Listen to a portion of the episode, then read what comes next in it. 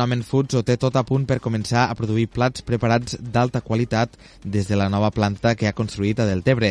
L'empresa està realitzant ara proves d'industrialització i preveu produir anualment 10 milions de racions de la nova gamma qualitat en un minut.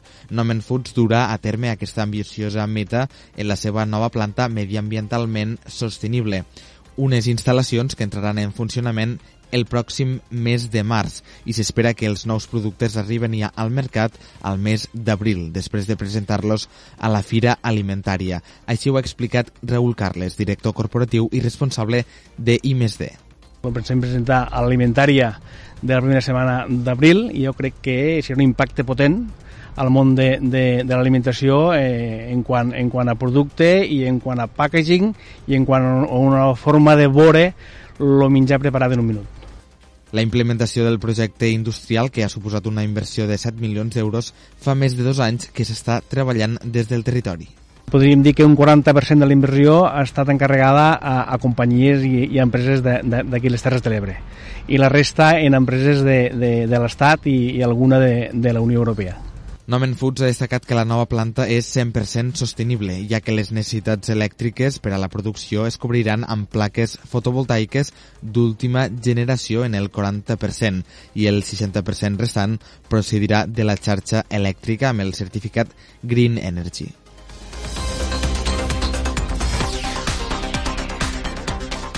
Des de l'Ajuntament de Deltebre s'està treballant per engegar llibres nòmades, una iniciativa que veurà la seva llum aquesta primavera i que ha de permetre impulsar la lectura al municipi a través de quatre vitrines mòbils de fusta que s'emplaçaran en diferents ubicacions del municipi.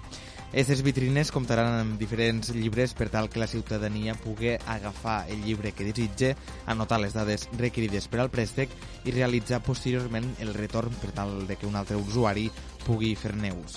Ho explica Ana Jiménez, regidora de Foment Cultural de l'Ajuntament del Debre concret l'estiu passat, no?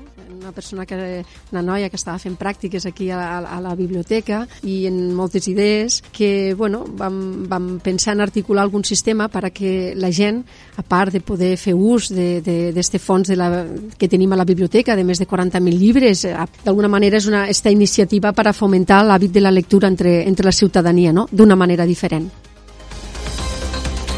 I una darrera qüestió és que l'esborrany del Pla de Gestió de Risc d'Inundacions de l'Ebre està ja a punt de l'aprovació definitiva.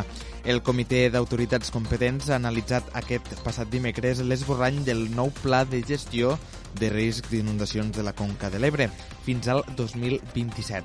És el tercer i últim tràmit abans de l'aprovació definitiva d'un document que amplia l'anterior i completa el segon cicle de planificació de risc d'inundació en aquest compliment amb la seva directiva europea d'inundacions.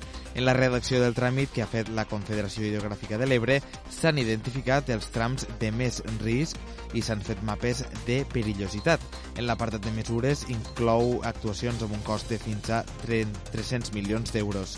Es basa en solucions per recuperar l'espai fluvial i obres estructurals on són necessàries per defensar els nuclis urbans. Ja sabeu que podeu continuar informats a través del portal delta.cat.